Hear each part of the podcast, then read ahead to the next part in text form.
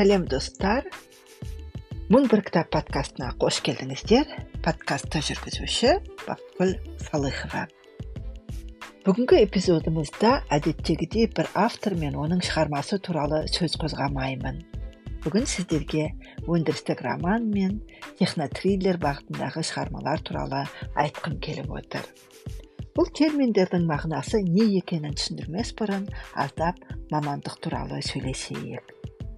Сіздің мамандығыңыз қандай сіз өзіңіз таңдаған мамандығыңыз бойынша жұмыс істеп жүрсіз бе сізге ұнай ма әлде басқа мамандық таңдағыңыз келе ма жұмысыңызды ауыстырғыңыз келе ме бірде менің құрбым жақсы көретін жұмысымды әлі таппадым тіпті маған қандай мамандық лайық екенін де білмеймін деді ал ол университет бітіріп шетелде магистратурасын тамамдаған адам. Ағылшын тілінде еркін сөйлейді өз жұмысына тиянақты жауапты кәсіби деңгейі жоғары маман. Жұмыс іздеген кезде ыңғайлысын таппай сол сәтте түскен ұсынысқа ия болмаса достар мен таныстар ұсынған орынға ең соңғы мүмкіндік сияқты жабысып болашақта бәрі өзгерер деген үмітпен кез келген жұмысқа орналасып жатқандар бар.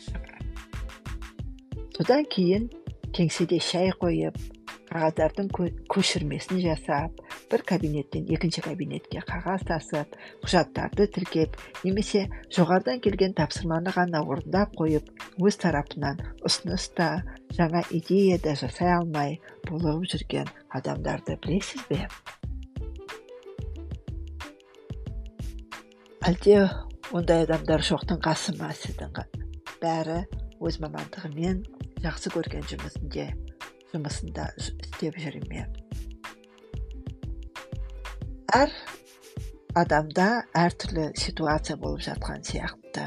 Кейбір адамдар күнкөріс үшін ақша табу үшін кез келген жұмыстан істеп одан кетпей амалдап жүріп жатқандары да бар болар.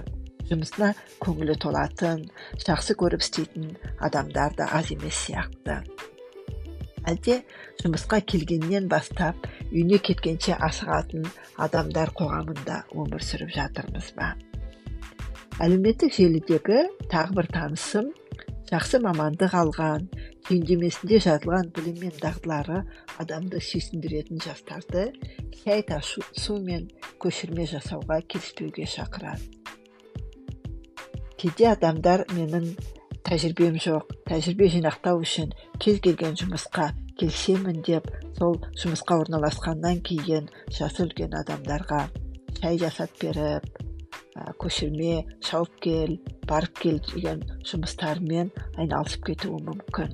Бірақ өмір бақи өмір бойы осындай жұмыстан шыға алмай қаласыз шыға алмай қалуыңыз мүмкін дегенге сенесіз бе әлде жоқ мен оған келіспеймін мен өзімді дамытамын басқа жақсы жұмыс табамын есіңдер ме соңғы жылдары ә, кез келген жұмысқа көніп айтқанына көніп айдауына жүретін адамдар азайған сияқты. Қорықпай жұмысынан шығып фриланспен айналысып жатқанда достарым таныстарым баршылық. Енді әдебиетке қайта оралсақ әдебиетте кезінде өндірістік роман деген жанр болған. Қазір де жазушылар бұл жанрда жазатын болар дегенмен көп жарнамаланбайтын сияқты сондықтан біле бермейміз. Ағылшын тілінде бұл сөз occupational novel деп аталады. Өндірістік романның өзегінде өндірістік мәселелерді шешетін кәсіби маман тұрады. Адам өзінің жұмысы қызметімен ғана қызық.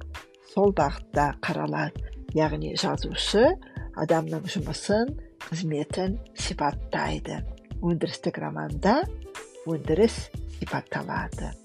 Бірақ шығармашылығын адамның мамандығымен тығыз байланыстырған жазушылардың өте көп екенін бәрі біле бермейтін болар.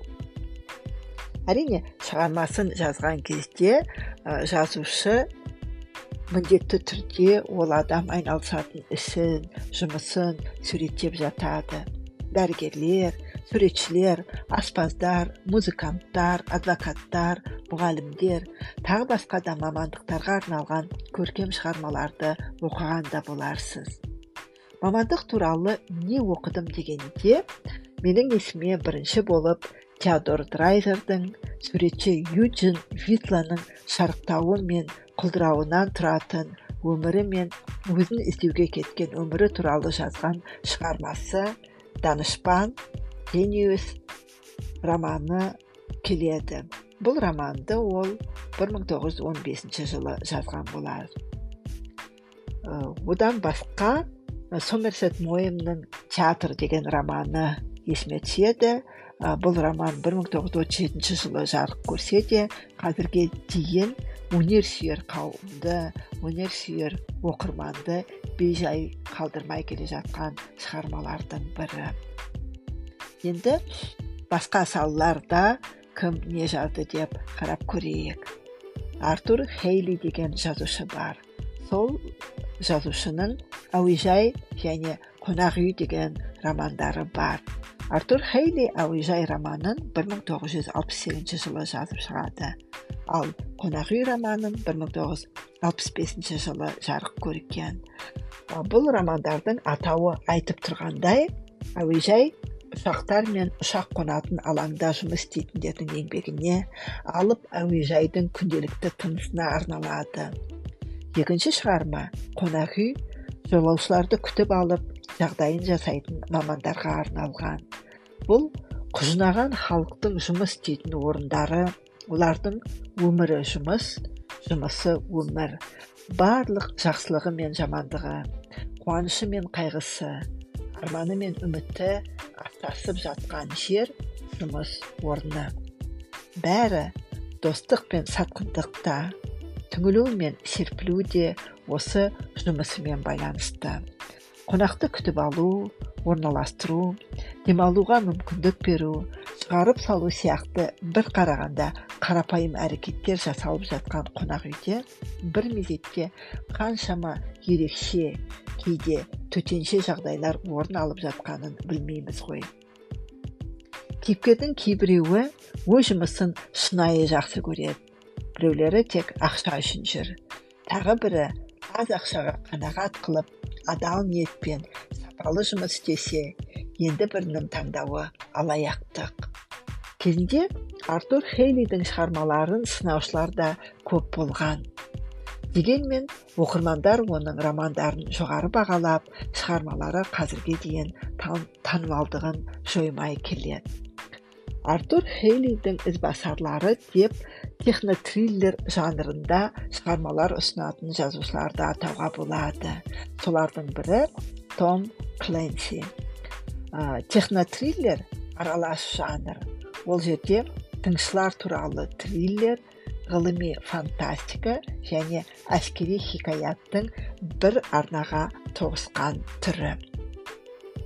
Шығарманың бұл түрін оқығаннан техника мен құрал жабдықтардың жұмыс істеу жолдарын тыңшылықтың ішкі әдіс тәсілдерін саясат пен жауынгерлік өнер туралы біліміңіз тереңдей түсетіні сөзсіз. Сіз қандай да бір технотриллер оқып көрдіңіз бе? Оқысаңыз осы эпизодтың соңында пікірге жазып кетіңіз тағы бір жазушы стивен кинг десе ойымызға бірден қорқыныш пен үрей фантастика мен тылсым күштер туралы жазатын жазушы келеді. Енді осы стивен кинг сізге жазушы болу кітапты қалай жазу керек деген тақырыпта кеңес бере алады десе қалай қарайсыз? Оның кеңесін тыңдар ма едіңіз? Естеріңізге салайық ә, стивен кенттің кітапты қалай жазу керек? Кәсіп туралы мемуар деген кітабы бар. Осы кітапты алып оқып көріңіз. Жазушы қалай қалыптасады? Оның кәсібінің ең қызық та қиын тұстары қандай? Халықаралық тізімнің алдыңғы қатарында болу үшін не істеу керек? Деген сияқты ойлармен таныс болыңыз. Мамандық таңдауда көркем әдебиет қаншалықты көмектесетінін айту қиын. Бірақ кез келген басылымдардағы мақалалар теледидардағы бағдарламалар мен фильмдердің мамандық таңдауға әсер ететіні анық. Сондықтан қажетті мамандық кәсіби маман сияқты маңызды тақырыптарды талқылауға ұйытқы болып жүрейік. Осымен бүгін мың бір кітап подкастының кезекті эпизодын аяқтаймын. Өндірістік роман не технотриллер оқыған болсаңыздар ойларыңызды айтып әсерлеріңізді пікірге жазуды ұмытпаңыздар. Мен сіздерге кітап оқиық деп айтудан жалықпаймын. Кітап оқиық оқығанымызды айтып пікір алмасайық өзіміз бен айналамызды дамыта берейік. Сіздермен бірге болған бақытгүл салыхова. Келесі кездескенше күн жақсы болсын.